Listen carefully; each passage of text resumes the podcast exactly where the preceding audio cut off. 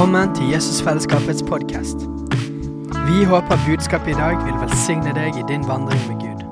Og om du vil ha mer informasjon om menigheten, kan du gå inn på jesusfellesskapet.no.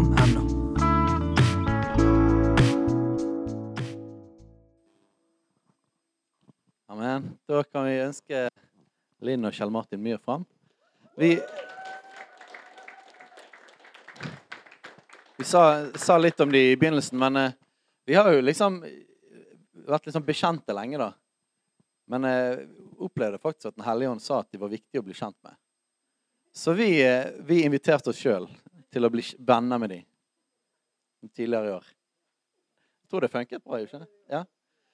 Så, så vi, har, vi, har, veldig lyst Ja, vi, vi, kjenner at det er noe i relasjon med disse to. Så derfor har òg lyst til å invitere dem hit og dele hjertet. Amen. Utrolig, utrolig godt. Eh, og tusen hjertelig takk for invitasjonen. Det er jo, det er jo, eh, det er jo Skjønner du ikke? To ganger vi har vært sammen. Har det liksom, og med bakgrunn i det så blir vi invitert her. Det, det er litt herlig, da. Det må man si det. Tusen, tusen hjertelig. Eh, eh, meg og Linn og noen til, par til, våre barn, vi bor altså da i Arna, på den gården som Katrine du snakket om. Eh, og den overtok vi for tre og et halvt år siden. noe sånt. Og der trives vi. Eh, med, har jobbet med mye i forhold til å rydde opp i forhold til en del urettferdige ting. Veldig spennende det som Ingebjørg sa i forhold til det. For det er en del ting som har, vi har måttet rydde opp i på denne gården her, som vi fremdeles jobber med som er urettferdig. Som er urett som blir gjort. Så det er veldig, veldig interessant. Og dette kommer vi til å ta det med oss. Og så kommer vi til å be, be over det. Eh, jeg har vært gift med Linn. Nå skal jeg begynne å snakke. Det er jo veldig fint å, å kunne gjøre det. Men jeg har vært gift med Linn i eh, ja, 21 21 år har vi vært gift. Ja. ja. Så, så, vi er på en måte Og nå er barna våre blitt store. Så store at én uh, går på, på videregående og én uh, studerer. Uh, de sitter rett her borte. jeg vet ikke, vet det. Theline og Theodor heter de. Så det, ja. Thea og Theodor.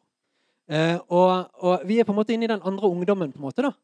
Det har vi gjort. Det har vi kommet såpass langt i livet, vi. Ja. Det er 43 år er jeg, og Linn, du er 41. Ikke snart. Snart 41. Ja, for jeg har blitt 43. Stemmer det? Sånn. Det er sånn det er. Ja. Eh, men Linn er, er utrolig herlig. Og det å få lov til å være Linn sin ektemann og ha Linn som, som fru, har vært utrolig, utrolig godt for meg. Det å ha en sånn støtte for meg har vært framdriften på en måte i livet mitt. Så foruten Jesus, og at han kom og reddet meg og, og fikk skikk på meg eh, i min, min, min, yre ungdom, eh, for en som strevde med alt mulig slags greier oppi her, så så har Linn vært en som har vært med å oppmuntre og høre ifra Gud og gi retning på livet vårt i lag. Og det har vært kjempespennende. Linn er en som er sånn at hvis hun, hvis hun hvis Gud taler noen ting til hun om et eller annet, så sier hun OK, da. Ja vel. Ja, men da gjør vi det, da, Gud. om det handler om å leve i tro, eller om det handler om å, å si opp jobben sin og begynne noe helt annet. Eller Kjell Martin, Gud har sagt til deg at du ikke skal jobbe der lenger. Sant? Du, han har sagt det. og Hvis ikke du slutter nå, så kommer det til å gå nedenom og hjem. Og så sier jeg nei, men jeg er ikke helt sånn ennå. Bare vent litt, så skal jeg gi meg. Ja, men Martin, det kommer til å gjøres. Og så er det ikke det tøys. Så Linn på en måte, så står hun på, og så har det vært en enorm eh, drivkraft eh, i forhold til å komme der som vi er i dag. Der som vi har havnet i dag. Der vi har fått den gården. Hadde ikke Linn vært en som hadde trodd på det som Gud sa, så hadde ikke vi kunnet endt opp der som vi er i dag. For der som vi er i dag, helt, måte, det er liksom helt sånn fjernt. på en måte. Det var, ikke, det var bare en drøm som lå der. Men drømmer blir virkelig når vi har med Gud å gjøre. Det er det som er så sinnssykt det er så vanvittig bra. Utrolig herlig. Så det er veldig, veldig jeg var Takk skal du ha, Linn. Så det var en sånn ekteskapelig sånn, Løfte henne opp sånn det er ikke nesten sånn amerikansk opplegg, følte det nesten sånn, var ikke det? Det var litt sånn her. Nei da, det var kanskje ikke det. Eh, vi ba for dere og har bedt for dere denne uken her, eh, for menigheten. Og, eller bedt for dere mer enn bare denne uken, her, men vi satte oss ned og ba ordentlig for det som vi skulle gjøre her i, i dag. Eh, og det som vi skulle si. Og så talte Gud noen ting. Eh, og ut, med utgangspunkt i det så vi, vil vi dele noe, noe greier. Det vil vi. Så jeg skal si noe først, og så skal Linn overta og si noe etterpå. Når vi ba, så så, så jeg for meg dette her. Kanskje jeg bare, om nett be, bare be først? Så lander jeg litt òg. Herre Jesus, jeg har lyst til å takke deg for at du er her. Helligånd, du er til stede her, og det er utrolig godt å kjenne. Herre, takk for at dette er familie. Herre, dette er menighetsfellesskap, Herre Jesus, som vi elsker, Herre Jesus. Herre Jesus, for her er du. Her er det rom for deg, Herre. Og Jesus, jeg bare har lyst til å velsigne menigheten her. Og så har jeg lyst til å bare be om at du velsigner denne stunden her, Herre Jesus. Og er med meg og mine ord og Linn og Linn sine ord i det som vi deler, Herre Jesus. Herre, må det bli til liv og oppmuntring der det lander, Herre Jesus. I Jesu navn. Amen. Jeg så for meg en værstasjon. Jeg er bonde, og noen bønder er veldig veldig opptatt av været.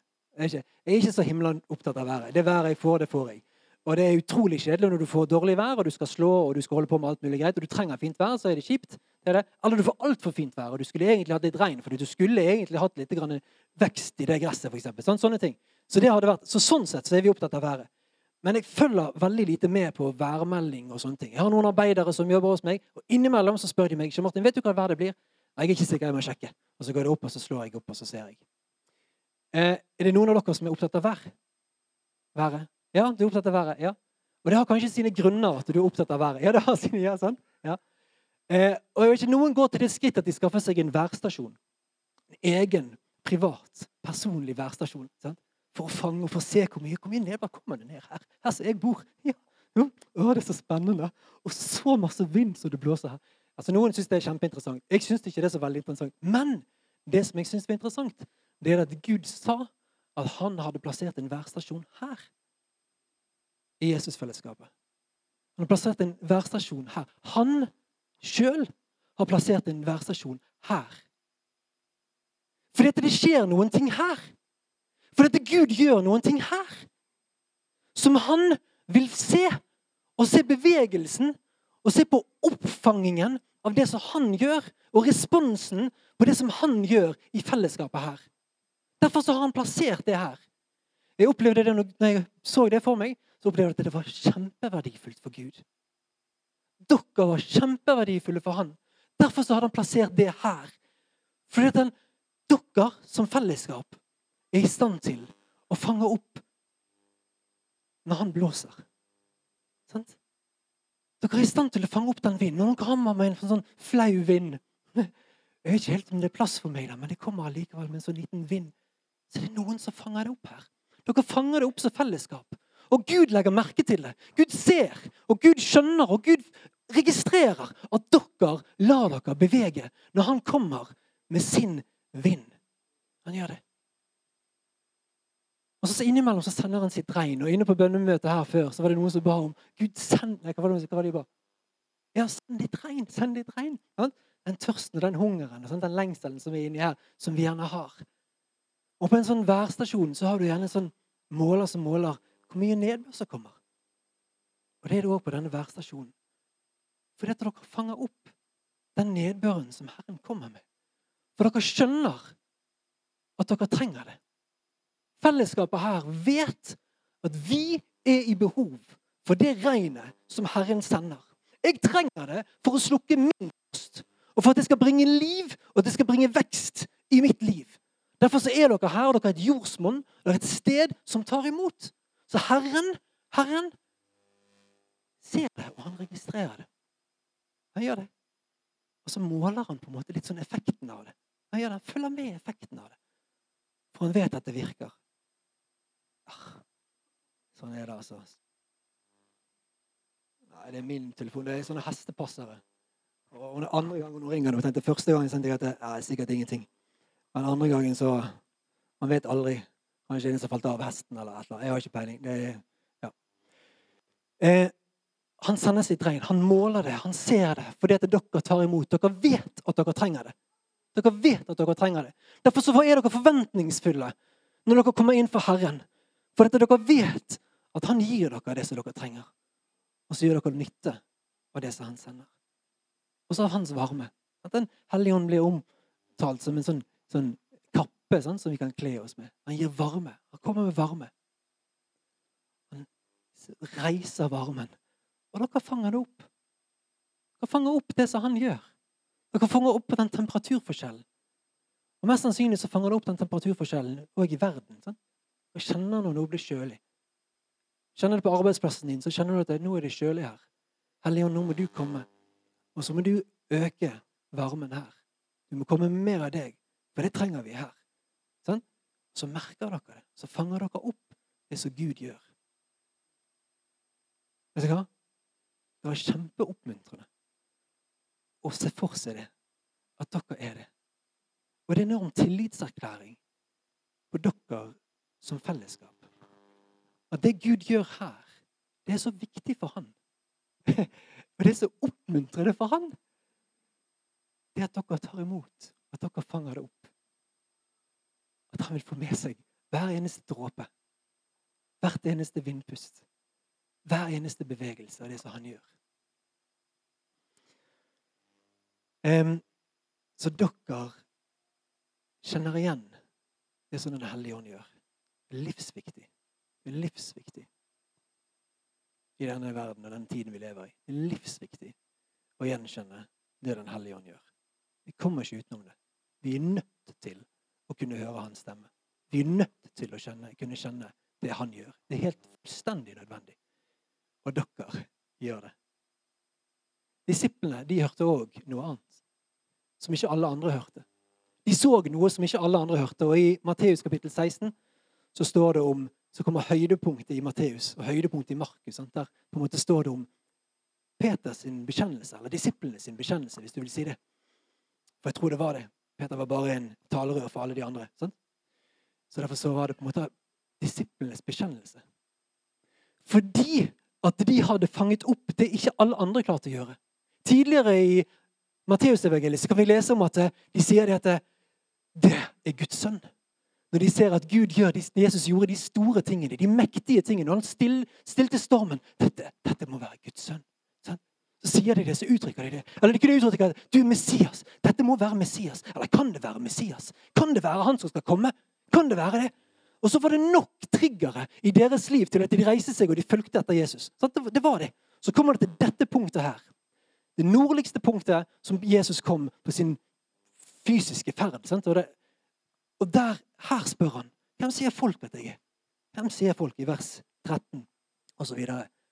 i Matteus 16? Hvem sier folk at jeg er? Og så kommer det noen forslag og på en måte noen betraktninger i forhold til ja, dette sier folk at du er. Det var herlige ord. det var det. Herlige navn som de trekker fram. Hvem sier dere at jeg er? Og så svarer Peter. Du er, Så kobler han det sammen sant? med det han gjør. Du er Messias, den levende Guds sønn. Og ikke før så er disse ordene, den salvede og den levende Guds sønn, koblet sammen. Men her, hos disiplene, som hadde fulgt Jesus og så hadde de på en måte vandret med han, så hørte de det, og så så de det, og så skjønte de det, så hadde de sett det. Og her kommer åpenbaringen til uttrykk. Og det som de har sett, det som de har hørt, og det som har skjedd på innsiden, det som hadde skjedd her. For dette hadde ikke kjøtt og blod åpenbart. Dette hadde Gud åpenbart. Faderen hadde åpenbart det for disiplene. At dette, Messias, Guds levende sønn, dette er det. Og så hadde de skjønt det. Og så var det noe som var landet i disiplene sitt liv. Det var noe som måtte komme på plass. Det er Messias, Guds levende sønn. Og han er mitt anker. Han er den som jeg kan få lov til å tro på. Og jeg står fast på han. Og så bekrefter Jesus det. At du er Peter, sant? og på denne klippen skal jeg bygge. Så at det er noe som skal stå fast, og at det er noe som skal, de skal få lov til å løse og binde. og alt sånt. Men jeg hadde kjent det. At Gud hadde vekket noe til live. Gud hadde gjort noe i deres liv. Og her er fellesnevneren, tenker jeg.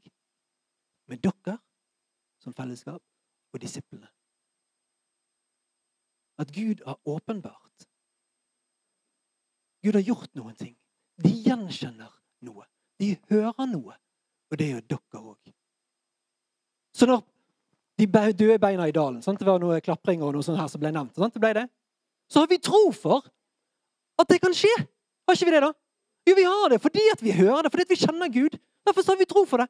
Derfor kan vi be det ut og tale det ut. Vi kan det fordi at vi har tro på det. Fordi at vi kjenner Gud. Vi kjenner det på innsiden. At vi gjør det. Derfor kan vi be det ut og komme med det. Vi kan det.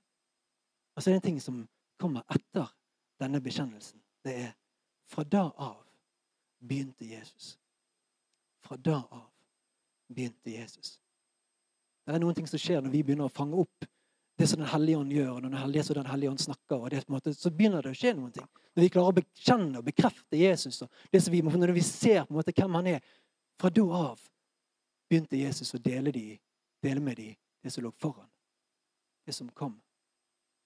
Det var ikke vidløftige, veldig flotte ord. Det var ikke det for et menneskelig øre. Med lidelse og død. Og tortur. Det var ikke noe godt å høre. Men Jesus tok de med inn i det. Og her kommer det som jeg hadde lyst til å på en måte overstige. Dette. Gud, jeg tror dette er et skifte for dere. Jeg tror det er en ny tid. Jeg tror det. Jeg tror det, jeg tror det er en ny tid. Og for det er fordi at eh, dere vet hva det går ut på. Dere vet hva det dreier seg om. Dere fanger det opp, dere hører det. Og fra nå av så vil Gud begynne å tale om noen ting. Gjerne for den enkelte av dere, men også for fellesskapet sin del. Om det som ligger foran. Jeg tror han gjør det. Og Dere vet sikkert mye, og dere har sikkert hørt mye. sant? Dere har sikkert, har sikkert en liste med, med ting. Men fra da av så begynte Jesus å dele hjertet sitt med det som lå foran. Han kjenner dere. Og han vil dele hjertet sitt med dere som ønsker det. OK. Da tror jeg jeg har sagt nok. Og så skal du, Linn, få lov til å dele.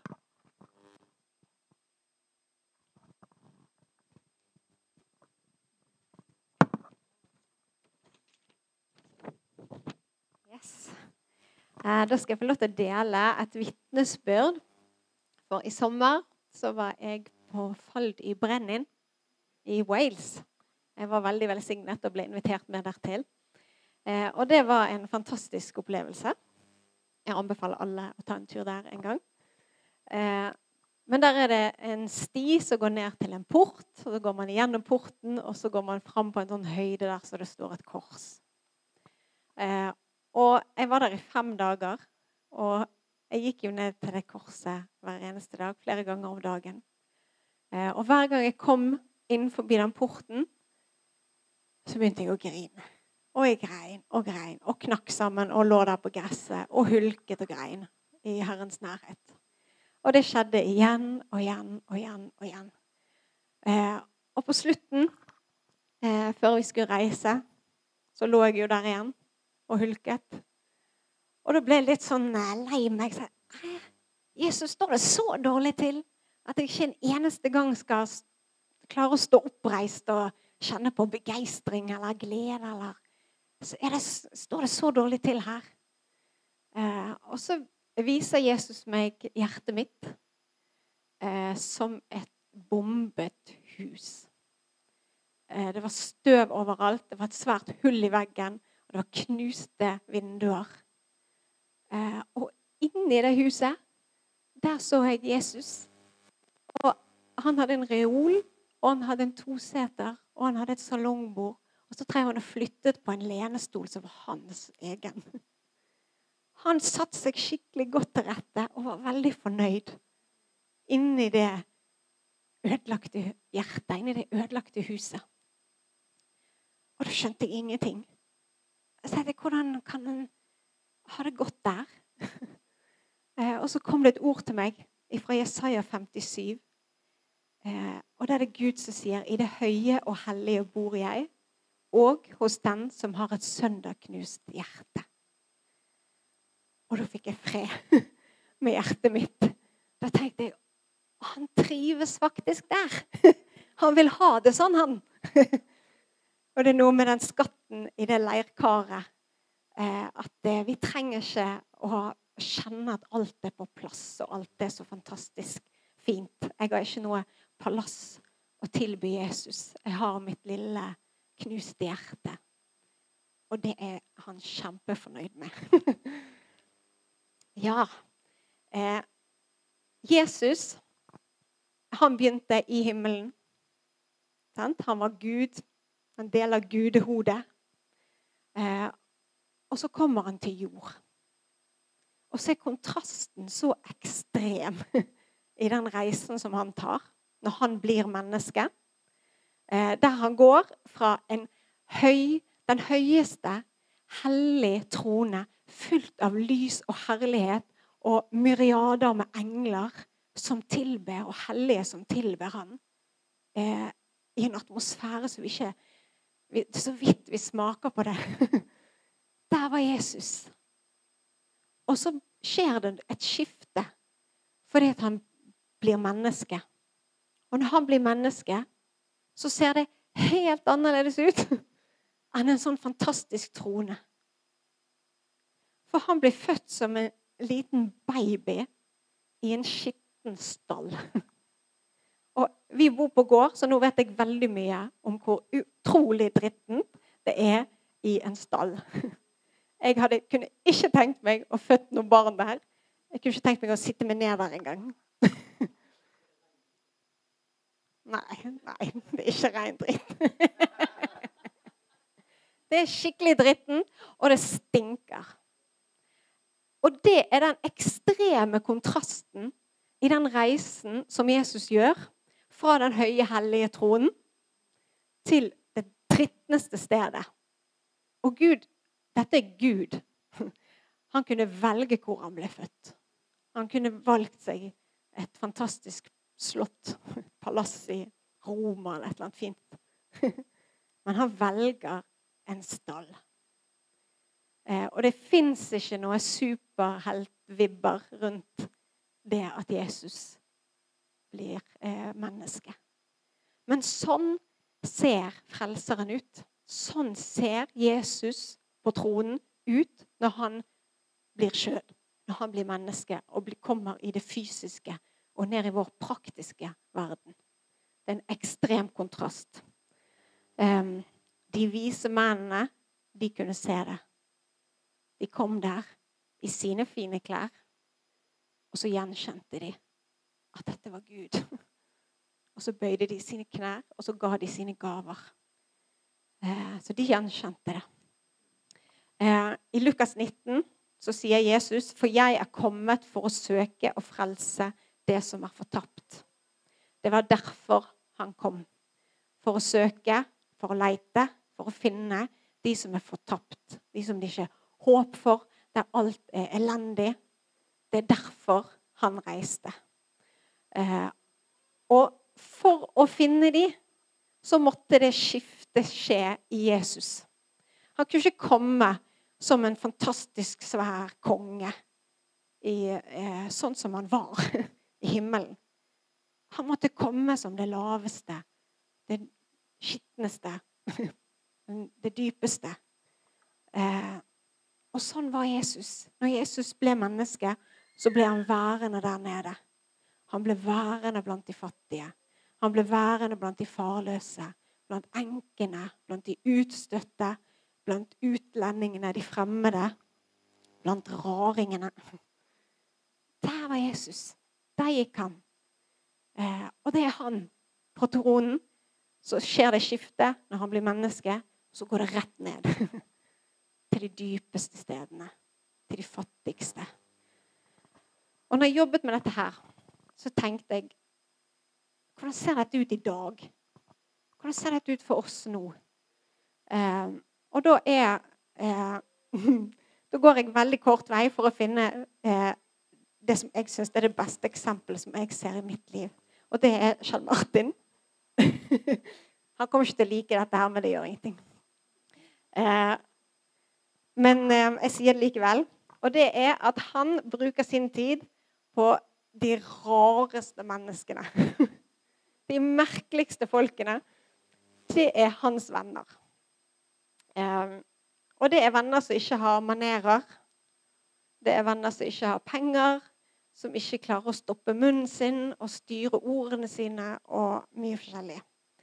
Um, og en av de spiser f.eks. ikke sammen med andre mennesker. Eh, en snakker ikke med munnen sin, men snakker med notatene på telefonen. Så skriver og skriver og viser hva det handler om. Eh, og snakker på den måten, da. En har arbeidet på gården lenge men fremdeles, selv om du går rett forbi personen, så går vedkommende bare rett forbi. selv om vi ses mange ganger i uken. Um, en må ha beskjeder om å bruke toalettet og ikke vanne rundt alle hushjørnene. Um, og en av de har et stygt rykte på bygden uh, om å være en som forgriper seg på barn. Det er forferdelig. Eh, men vi har blitt kjent med han. Og han bruker masse tid på gården hos oss. Eh, og så kommer folk til meg, og så sier de Hvorfor er han sammen med han der? Hvorfor er han, bruker han tid med han? Hvorfor? Så legger de merke til at er det, Hva er dette for noe? Eh, og det minner meg om Jesus. om de som Jesus hang sammen med. Eh, alle de som han er sammen med, nesten alle av de som er på gården, og ikke bare de som jobber der, all slags folk som kommer der, de er psykisk ustabile i en eller annen grad. Eh, og de blir sur og fornærmet og ufattelig sint for all slags eh, rare ting. Eh, og alle sammen, det som gjenkjenner alle sammen, er at de er som barn. De er som barn. Eh, og det som jeg syns er spennende med dette, er at eh, før vi overtok denne her gården eh, og begynte på det nye livet der, så talte Jesus til Kjell Martin og viste han et sånt Tetris-spill. Har dere spilt det? De der klossene som faller ned, og så skal du vri dem sånn at de treffer ned i de, og bygger, liksom. sant? Og hvis du ikke gjør noen ting, så lander bare alle oppå hverandre, og så sier det pip, og så er du ute. Eh, men så målet er på en måte å dekke linjen helt nederst hele tiden, og så casher du inn poeng. Et eller annet sånt. Eh, og Jesus talte til ham om at sånn ser det ut. Sånn skal du jobbe. Du skal jobbe på den nederste linjen blant de laveste folkene. Og så skal du cashe inn poeng der nede. Eh, og det ligner på Jesus. Han søkte nedover og nedover og nedover. Um, eh, og vi er kalt til å ligne på Jesus. Så vi er kalt til å søke og frelse de som er fortapt. Til å leite opp de som er i nød de som er desperate, de som er rar og merkelig, eh, og vise dem Jesus. Eh, og Vi skal lese et lite vers fra Matteus, 20, meg. Matteus 11, vers 25. Skal vi se 11, 25. Og Der står det sånn På den tid tok Jesus til orde og sa, Jeg priser deg, Far, himmelens og jordens Herre, fordi du har skjult dette for de vise og forstandige, men åpenbart det for de umyndige små. Det er sånn vår Far i himmelen er. Så vi må ned der, til de lave, de som er ødelagt av dette livet, de som er fattige. Eh, og så får vi se det som Gud åpenbarer. For det er der åpenbaringen ligger. Det er der Jesus blir mest synlig. Blant, der som nøden er størst. Um, og når jeg, vi ba, var i bønn for dette og for dere, så viste Jesus meg noen ting. Og jeg så eh, innsiden av en togvogn. Eh, og der ser du, Hvis du ser det for deg, så ser du veggen på innsiden av toget, og så er det et vindu. Eh, og Veggen står helt stille. Og når du ser ut av vinduet, så går du full fart forbi. Vent. og det som Jesus viste meg, at for oss som er kristne, for oss som lever med Den hellige ånd, så er det sånn livet er. Det kan se helt dønn stille ut i det praktiske, fysiske livet vårt. Men når vi ser i ånd, så går det full fart. Sant? Så ting som vi opplever der vi er på jobben, situasjoner som oppleves låst og vanskelig, kan se ut som at alt står helt stille. Men i ånd så går det full fart. Og det er utrolig viktig at vi klarer å evne å se begge deler. At vi lever i ånd Sant? At vi søker det som er der oppe. Og så lever vi i nuet. Så lever vi i den fysiske verden. Og så står det kanskje helt stille. Og vi er nødt til å se begge deler for å kunne klare å balansere i dette livet her. Det var det ene. Og det andre så var et speil som hang på en vegg. Eh, og der veggen var helt flat, helt endimensjonal. Eh, og når du ser inn i speilet, så blir det plutselig dybde. Og det var en som ba her om dybde. Eh, og at det er, eh, den, det er den samme kontrasten for oss som lever her, og så lever vi der. Eh, det er helt flatt av og til i hverdagen. Men så har vi et speil. Så har vi i ånd så har vi en dybde som er veldig, veldig dyp. Eh, og den, dette må vi ha for øye. Eh, det, det, er denne dobbeltheten. Eh, sånn som jeg opplevde med mitt hjerte, som er knust, men en bolig for Jesus. Og, og Jesus som er, hører til på den tronen, men en skitten stall er god nok for ham. Også dette vinduet og dette speilet. Og vi skal lese i uh, eh, 2. Korinterne 4, vers 17.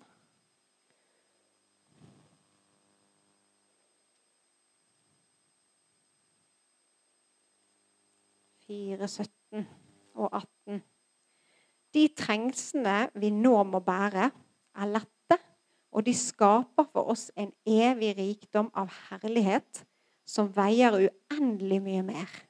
Vi har ikke det synlige for øyet, men det usynlige. For det synlige tar slutt. Det usynlige er evig. Det er den dobbeltheten. Men vi skal leve eh, og ha det usynlige for øyet. Det som er ute av togvinduet, det som er inni speilet. Eh, for at vi skal klare å leve i denne hverdagen eh, sammen med Herren. Eh, og så viste Jesus meg eh, dere som en gassballong. Eh, og en gassballong er fylt med kraft som stiger oppover, som søker oppover. Og hvis vi blåser opp, eller ikke vi blåser jo ikke, hvis vi fyller på en gassballong, knyter den sammen, og så slipper vi den, så går den bare opp, opp, opp, opp, opp. opp sant? Det slutter aldri. Forsvinner et eller annet sted langt oppe i atmosfæren. Eh, og det som Jesus viste meg, er det at eh, hvis vi gjør det Hvis vi fylles opp og fylles opp og fylles opp med den kraften, eh, og bare gjør det, så forsvinner vi opp der oppe.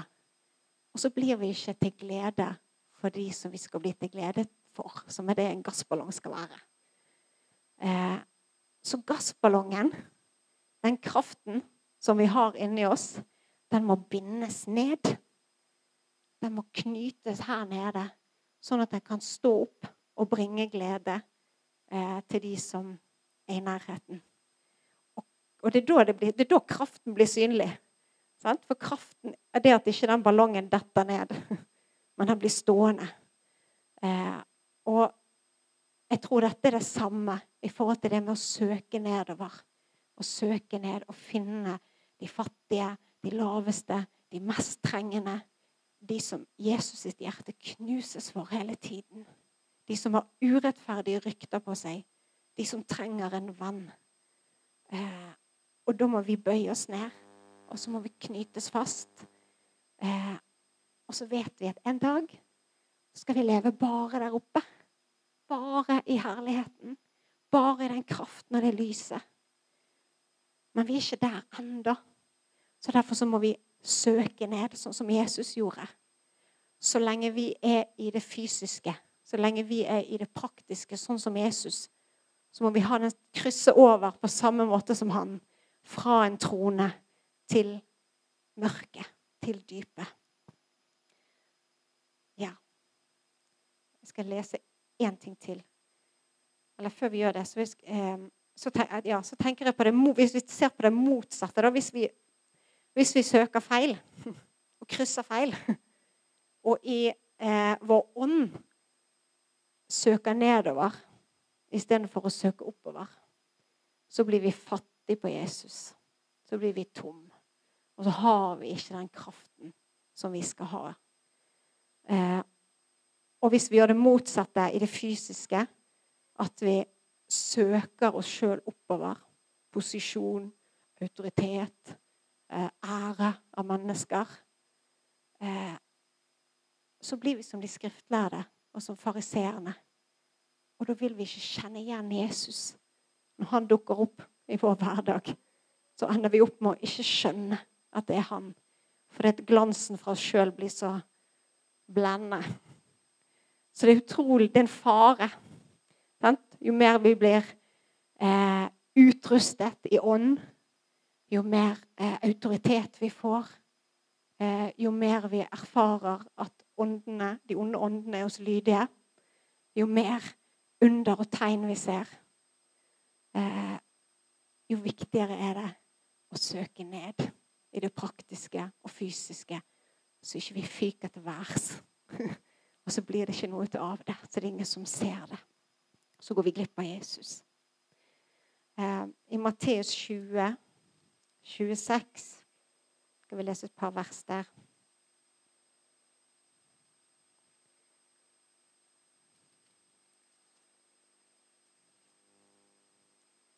26-28. Men slik skal det ikke være blant dere.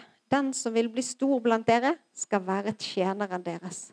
Og den som vil være først blant dere, skal være slave. Slik er, ikke, slik er heller ikke menneskesønnen kommet for å la seg tjene, men for selv å tjene og gi sitt liv som løsepenge for mange. Det var det Jesus gjorde. Han søkte nedover. Han ga sitt liv. Han var en tjener. Han fant de som ingen likte, og så ble han venner med de. Um, og korset er det synligste tegnet som vi ser på hvor dypt Jesus gikk når han kom. Eh, og det å se Jesus henge på korset med tornekrone og naglet fast og blodet renner.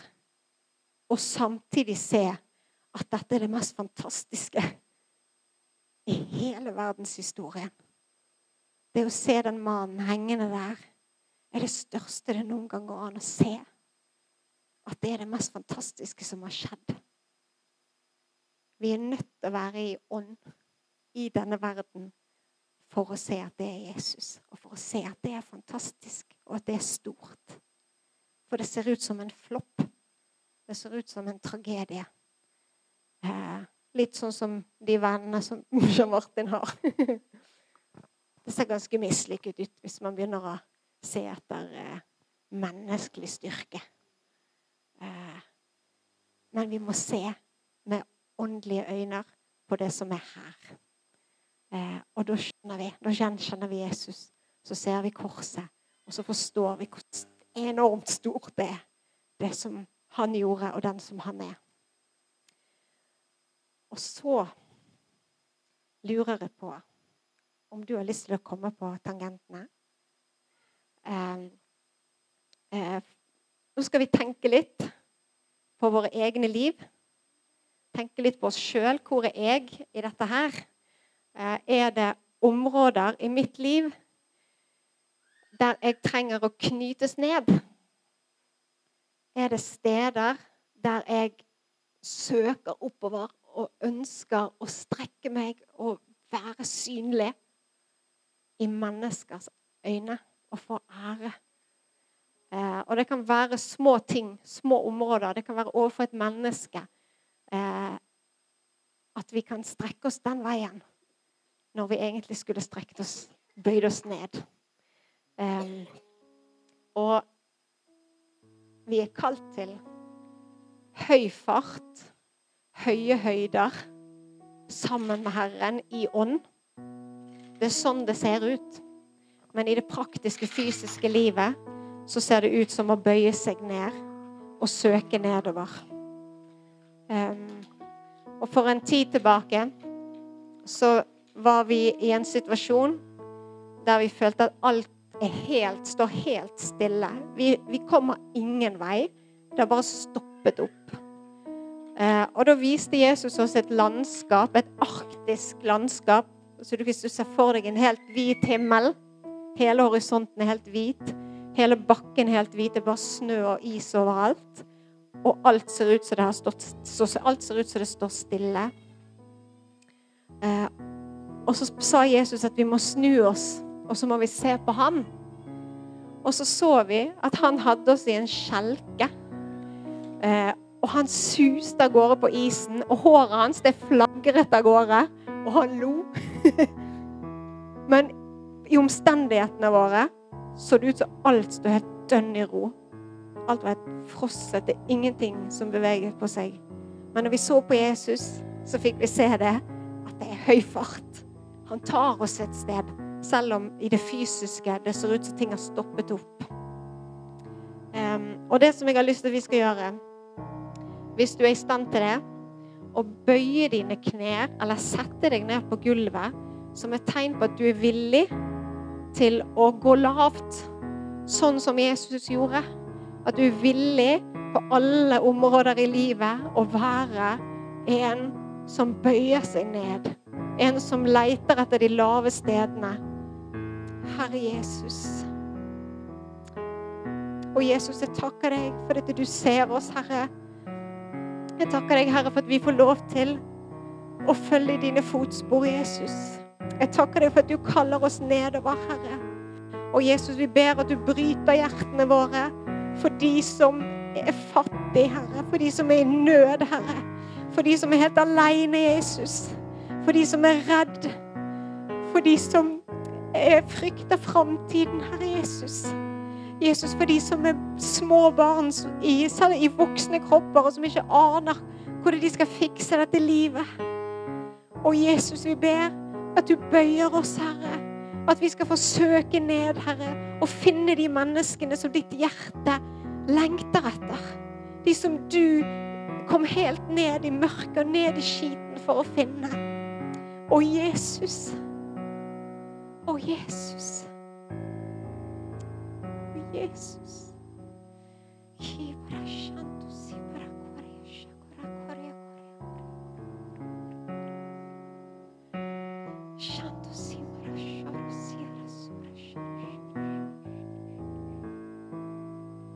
Jesus, jeg ber at du tilgir oss på de stedene der vi har bygd en trone for oss sjøl i denne verden.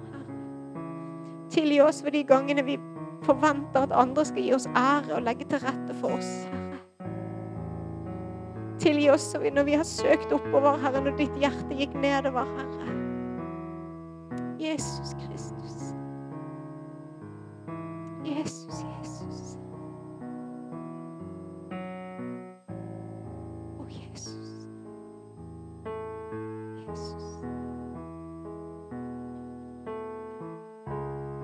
Jesus, jeg ber at du gir oss alle sammen øyne som klarer å se to ting på en gang. At vi klarer å se at selv om alt ser ut som det har stoppet i hverdagen vår, alt ser ut som det står dønn stille, det kommer ikke noen vei, så la oss få se, Herre, i ånd, at vi har høy fart. At det er dype dybder, Jesus.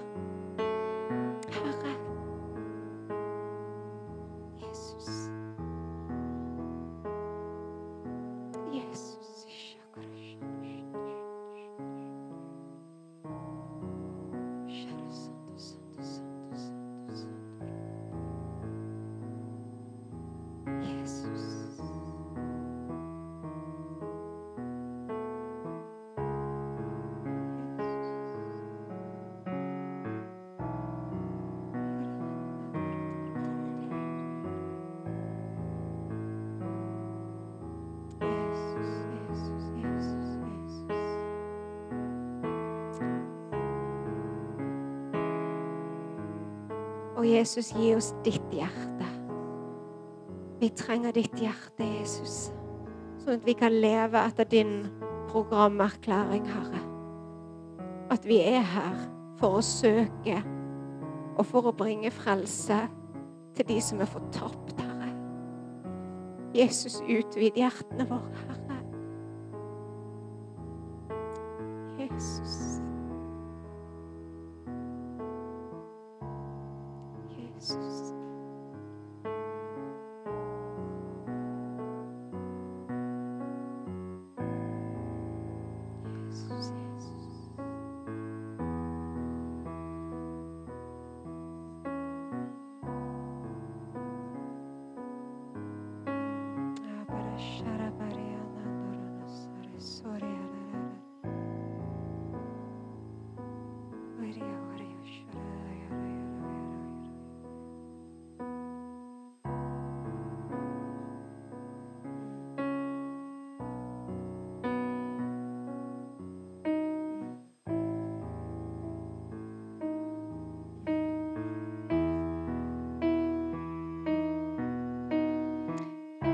Får et bilde eh, der jeg ser at vi har sånne strålende, skinnende klær.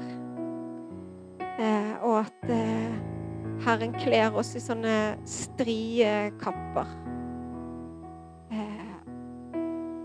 For at vi skal klare å nå de som er lavest, så må vi ligne på de. Så må de føle at vi er en av de. At vi er en som er en venn, en som kommer opp på siden. En som, kan vandre sammen. Jesus.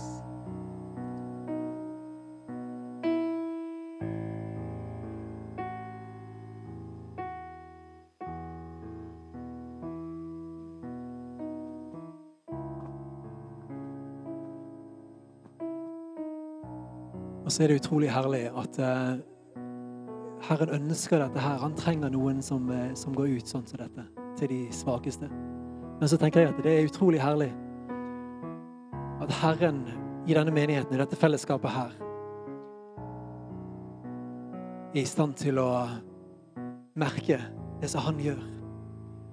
Og at i dette fellesskapet her så fanger, fanges det opp det som ligger på hans hjerte, og det som han vil i denne tiden her. Og jeg tenker at det, er, det å få lov til å reise seg er å være takknemlig til Herren og si det at takk, Herre, for at vi, at du har plassert en værstasjon på dette stedet her. At vi har fått lov til å fått nåde til å gjenkjenne det som du gjør i denne tiden her. At vi skal få lov til å ta imot det som du sier. At vi skal få lov til å gå og få lov til å høre ifra deg og få lov til å få alt det som vi trenger. Eh, så kanskje vi tar og reiser oss òg i dette her. Og så eh, tenker jeg kanskje vi bare uttrykker der du står, en takknemlighet til Herren for at vi har, dere som fellesskap, har fått lov til å få nåde til å få det, til å bli gitt det han gir. At han har gitt dere eh, sin ånd, at dere gjenkjenner det. Herre Jesus, jeg har lyst til å takke deg, Herre Jesus, og prise deg. Herre Jesus, jeg har lyst til å ære deg, Herre Jesus, fordi at du, Herre, du, Herre, har plassert din, å si, eh, dine målegjenstander her i denne, dette fellesskapet her. For dette fellesskapet, Herre Jesus, det fanger opp det som du gjør, Herre. Gode Helligånd, de gjør det, Herre. Gode Helligånd, de lar seg bevege av deg. Og Herre, jeg bare ber at det skal fortsette. Herre Jesus, jeg ber at det skal ta av, Herre Jesus. Jeg ber at det skal øke på, Herre Jesus Kristus. At de skal få lov til å kjenne det. At det der er en enorm glede Og få lov til å ta imot deg. Og få lov til å ta imot mer av deg, Herre. Og gi dem enda mer nåde til å romme mer av deg. Til å få lov til å bære mer av deg. Og forløse det inn i denne verden, Herre, som vi lever i, Herre Jesus. Forløse ditt rike der de er, Herre Jesus. Herre Jesus, der den enkelte virker. Der den enkelte eh, beveger seg, Herre Jesus. I sitt nabolag, i sitt fellesskap, Herre Jesus. Kom, Herre, og berør igjen og igjen og igjen, Herre Jesus. Og jeg takker deg, Herre, for at du vil gjøre det, Herre Jesus. Og at du gjør det, Herre Jesus. Herre Jesus. Herre Jesus.